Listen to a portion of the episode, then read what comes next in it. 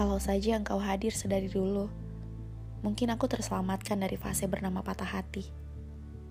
Kalau saja aku tak patah hati, mungkin saja aku tak bertemu denganmu. Namun aku tak mau kehadiranmu hanya menjadi sebatas kalau saja aku. Jangan cemburu persoalan masa lalu, karena dari sana kita dapat banyak pelajaran. Dari sana kita bisa memperbaiki hal yang kita hadapi sekarang dan dari sana kita menjadi sering introspeksi diri. Jangan bertanya soal siapa pelaku bagi korban patah ini, karena kita semua adalah pelaku dari cerita patah hati seseorang. Kita hanya perlu memaafkan dan berdamai juga bersyukur. Bersyukur saja karena kau telah dipilih oleh hati setelah melewati fase terpahit, bukan menjadi tempat pelarian, melainkan kau terpilih karena melewati masa seleksi rasa.